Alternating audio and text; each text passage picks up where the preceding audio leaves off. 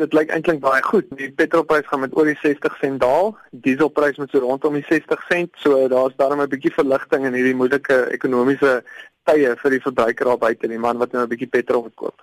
Wat was die bydraende faktore tot die daling in die brandstofpryse wat ons die maand sal sien? Kyk, die hooffaktore met die maand tot maand verandering in die brandstof is maar die randwisselkoers en dan die internasionale prys van olie omdat ons olie invoer beïnvloed die internasionale prys, die invoerkoste en dan natuurlik ook die, die randwisselkoers.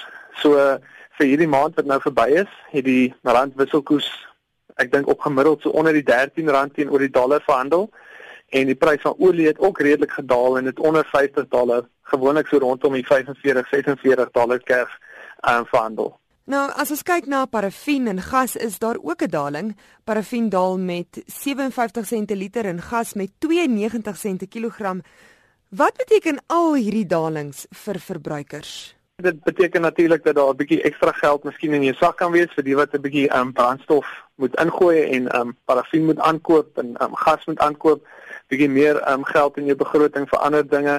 As mens kyk na openbare vervoer, kan dit dalk beteken dat openbare vervoerpryse ook 'n bietjie kan daal, wat dan vir die man wat 'n taxi gebruik of so ook 'n bietjie ekstra inkomste kan beteken. So in in die algemeen beteken dit dat daar 'n bietjie meer geld in die verbruiker se sak kan wees wat dan op ander goed spandeer kan word.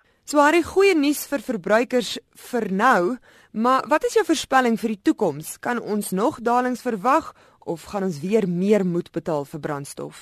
Kyk, dis altyd moeilik as mens oor die randwisselkoers praat. Mens weet nie wat gaan van minuut tot minuut gebeur nie. Nog minder oor wat oor die volgende maand gaan gebeur. Maar as jy net na oliepryse kyk, internasionale oliepryse, lyk dit of die prys laag kan bly vir die voorsienbare toekoms. Daar's verskeie faktore wat daartoe bydra en daardie faktore gaan nie noodwendig verander oor die volgende paar maande nie. Die randwisselkoers op hierdie op hierdie stadium lyk bestendig, maar mens weet nooit as daar politieke skommelings is en omwentelings kan die rand altyd verswak wat dan weer 'n uh, uh, verhoging in die brandstofprys tot gevolg kan hê.